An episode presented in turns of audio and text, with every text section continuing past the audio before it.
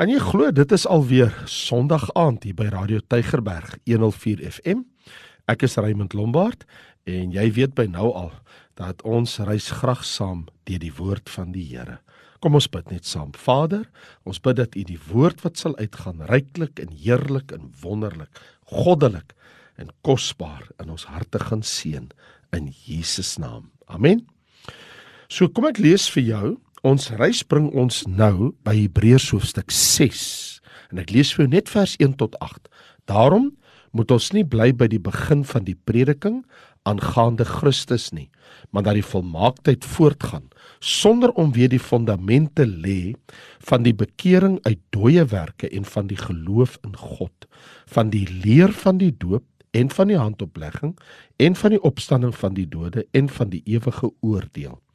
En dit sal ons doen as God dit toelaat, want dit is onmoontlik om die wat eenmaal verlig geword het en die hemelse gawe gesmaak en die Heilige Gees deelagtig geword het en die goeie woord van God gesmaak het en die kragte van die toekomstige wêreld en afvallig geword het om die weer tot bekering te vernuwe omdat hulle ten opsigte van hulle self die seun van God weer kruisig en openlik tot skande maak. Nou ek praat met jou vandag oor 'n tydige waarskuwing teen afvalligheid van die geloof in Jesus Christus. Want as ons hier gaan kyk, hier's twee sake wat hy aansny. Een, hy praat met hulle oor die leer wat ons in vashou en dan praat hy van mense wat weggeval het van die Here af. So hierdie skrifgedeelte het eerstens 'n sterk oproep tot geestelike volwassenheid. En tweedens, 'n tydige waarskuwing teen afvalligheid van die geloof in Jesus. Kom wat ek dit vir jou so stel. Nie een van ons, niemand kan hulle aankoms in hierdie wêreld ontvlug as 'n baba nie. Almal van ons het as 'n klein baba in hierdie wêreld ingekom. Dis die enigste manier hoe ons in hierdie wêreld aangekom het. Niemand het as 'n volwassene in hierdie wêreld gearriveer nie. Right? Almal van ons, elkeen van ons was eens 'n onskuldige klein babietjie wat 'n moeder in haar arms vasgehou het. Right? Nou, so dit maak nie saak hoeveel die ouers, en ek praat nou van oupas en oumas, daarvan hou om die baba lief te hê en te koester en vas te hou. Maar ten spyte van alles en ag shame en kyk net hier en gee drukkies en swentjies en hou vas, bly dit steeds die begeerte van die ouma en die oupa, van die mamma en die pappa dat hierdie babietjie moet opgroei. In ander woorde, hierdie kindjie moet ook eendag groot word. In ander woorde, ons het almal daai verlange. Almal van ons het daai begeerte dat dis wonderlik en is lekker om hierdie babietjie vas te hou, nê. Nee. En dit is snoesig en sag en dit is heerlik en wonderlik. Maar agter dit alles, weet ek en jy, ons wil nie hierdie babietjie moet altyd so bly nie. Hy kan nie vir 100 jaar so bly nie. Hierdie babietjie moet opgroei tot 'n volwasse lewe. Dat jy geweet dat die Here God, die Vader in die hemel, voel presies dieselfde oor my en jou. Oor sy kinders. Dis hoekom die prediker vir ons sê, moenie bly by die begin. Jy kan nie bly toe jy 'n baba was nie, want die vorige hoofstuk ons ons verlede week gesien, toe hy praat van melk is vir babas. In ander woorde, moenie moenie tred verloor met die vorige verse nie, wat hy vir ons sê, maar julle moet mos nou opgroei. In ander woorde, ons moet mos nou voortgaan tot volwassenheid na volmaaktheid toe groei. En nou sê hy om hierdie elementêre leringe van Christus agter te laat. Beteken nie om Christus agter te laat nie, wat die skrywer wel bedoel is Christene het nodig om verby die fondamente te beweeg. Ek bedoel fondamente is goed.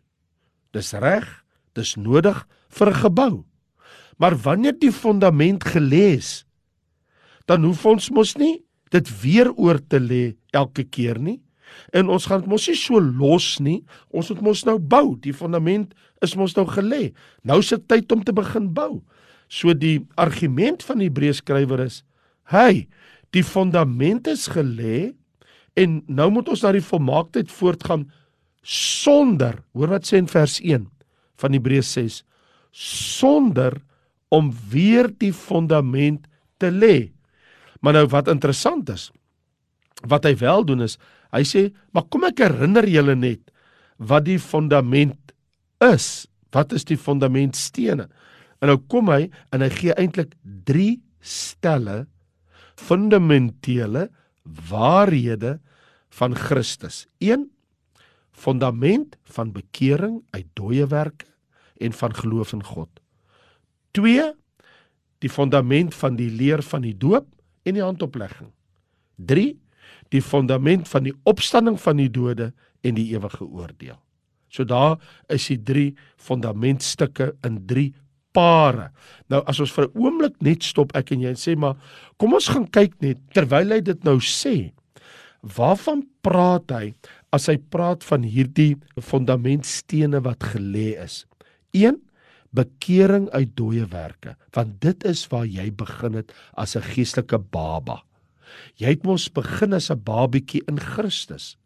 En bekering metanoia beteken mos 'n gedagteverandering ten opsigte van diself, ten opsigte van sonde, ten opsigte van God. Dis mos wanneer iemand tot bekering kom. Die tweede ding wat hy daar gesê het is die geloof in God. Geloof kyk op na God.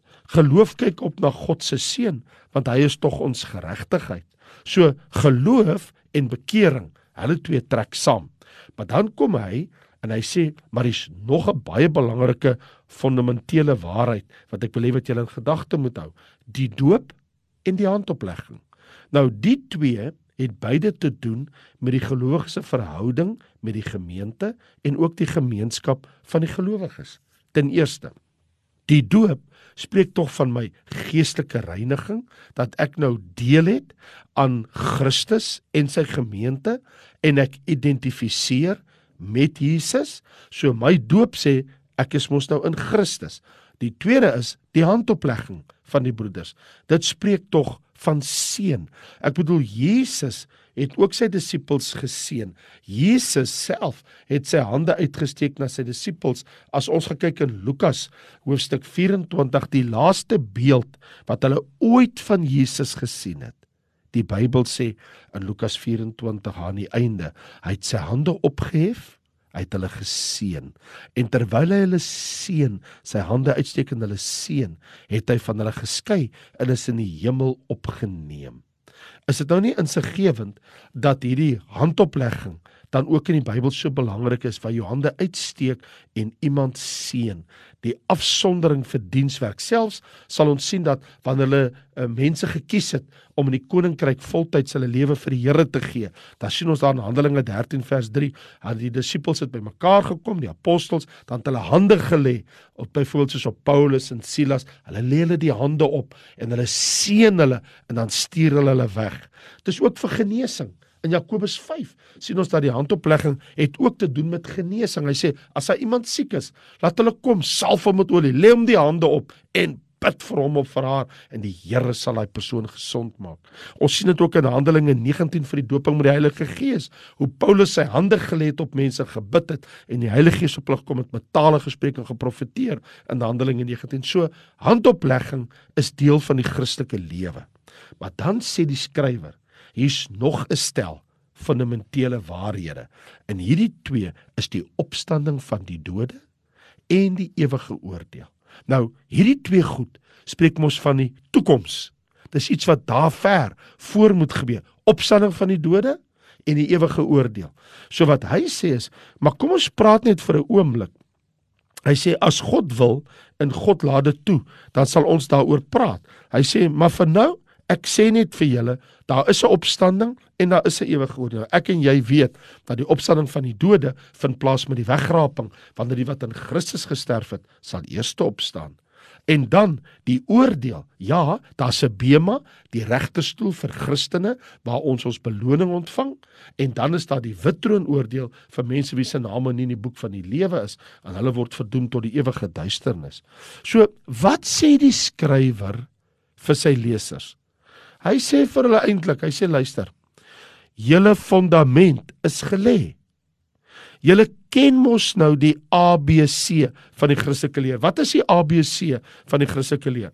Die evangelie, bekering, uh geloof in God, leer van die doop, handoplegging, opstanding van die dode, ewige oordeel. Dis die ABC. Hy sê julle ken mos die ABC.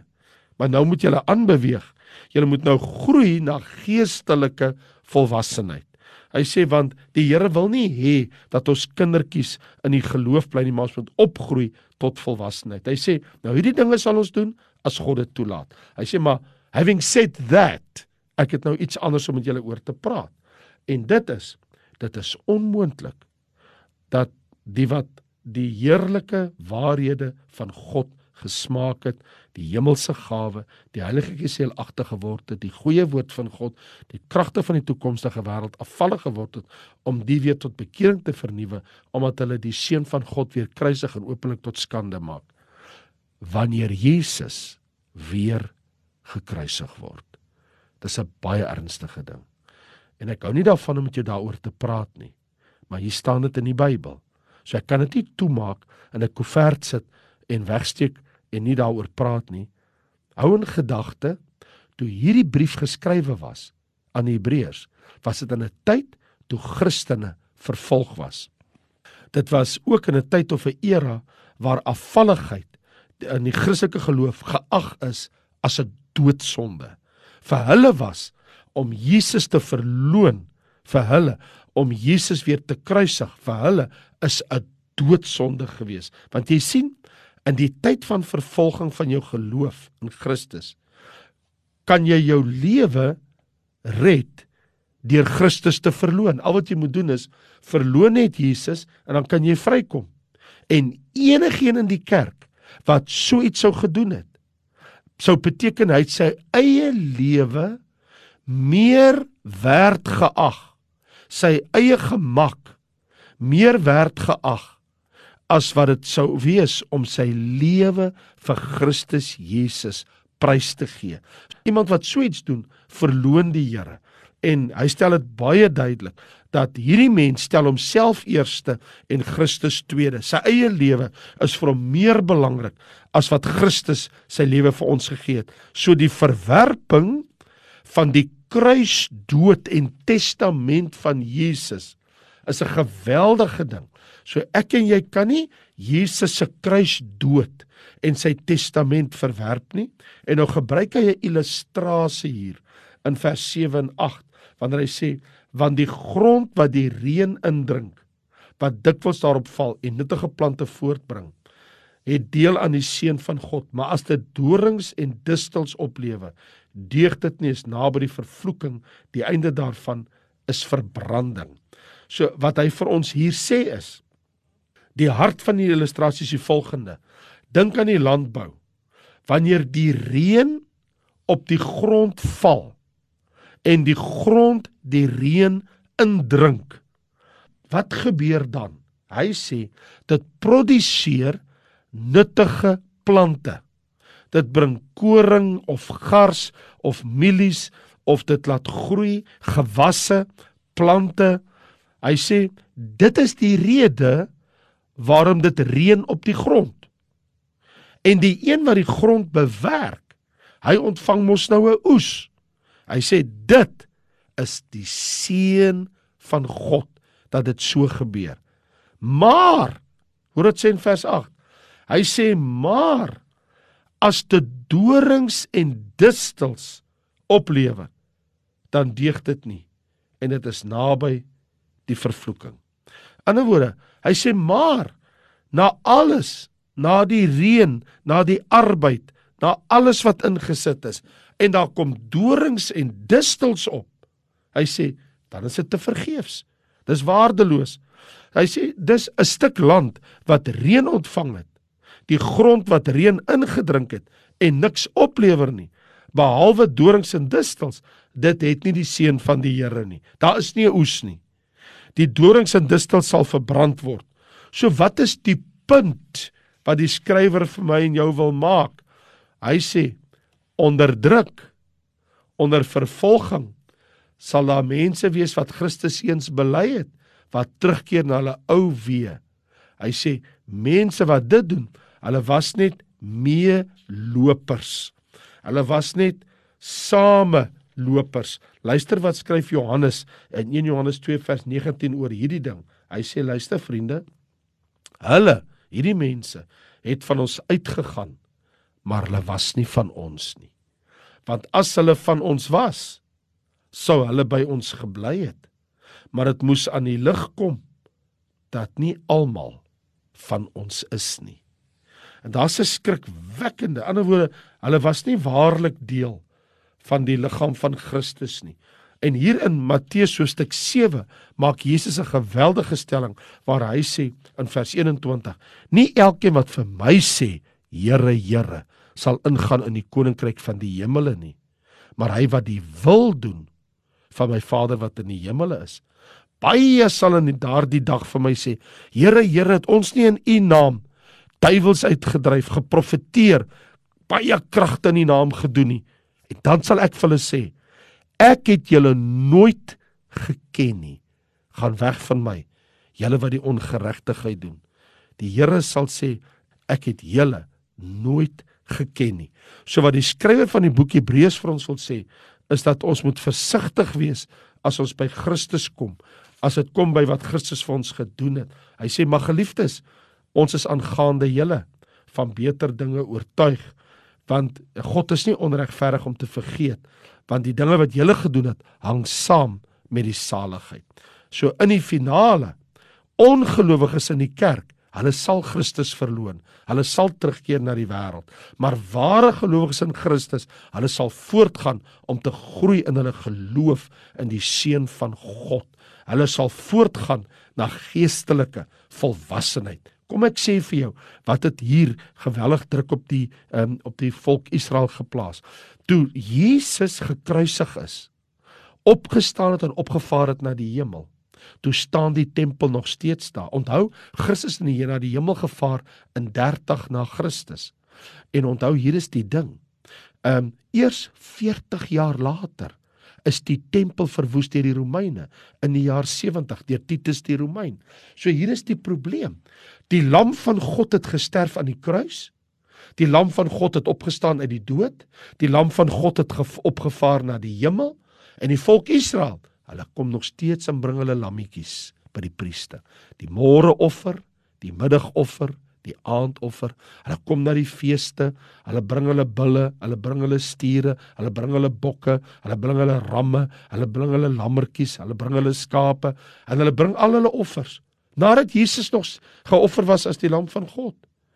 En wat hy vir hulle sê is vir die vir die bekeerde Jode, as jy teruggaan na die priester toe by die tempel, as jy weer daai lammetjies en daai diere offer, hy sê dan verloon jy Jesus se bloedoffer, want daar is nie meer vergifnis by daai lammetjies se offer nie.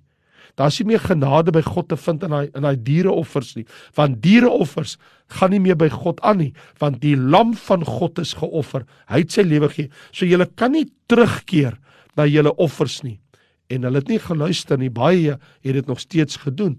En weet julle dat 40 na Christus jaar 40 jaar daarna toe word die tempel verwoes en tot vandag toe is daar nooit weer offers gebring nie.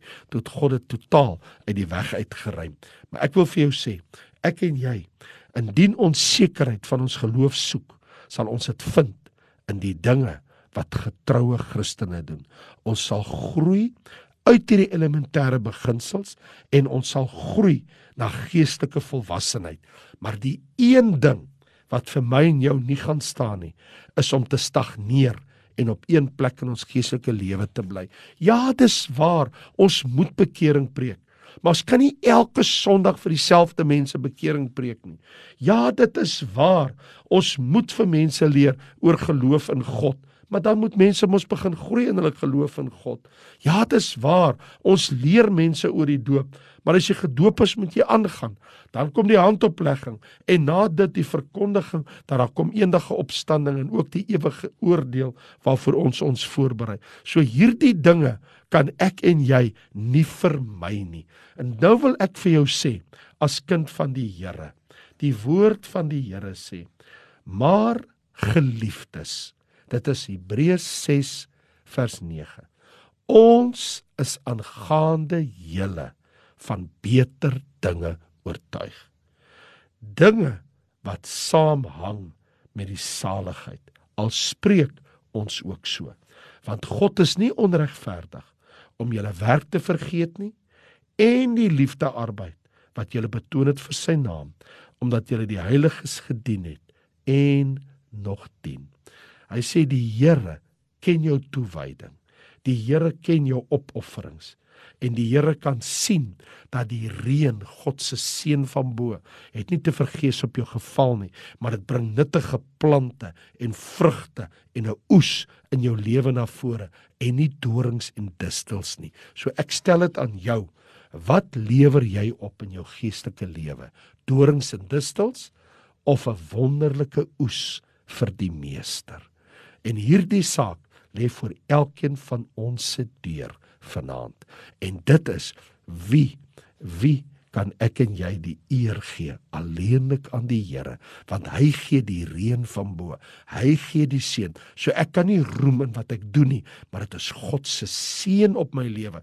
Hy het die reën van bo gegee en as gevolg van God se seën op my lewe verskyn hierdie vrug in my lewe maar die eer kom die Here toe en nie aan my nie. Vader baie dankie dat ons aan U die eer kan gee vir die vrug wat in ons lewe te voorskyn tree want U woord sê mos dat die ware gelowige is soos 'n boom wat geplant is by waterstrome wat sy vrugte gee op sy tyd waarvan die blare nie verwelk nie en alles wat hy doen voer hy voorspoedig uit.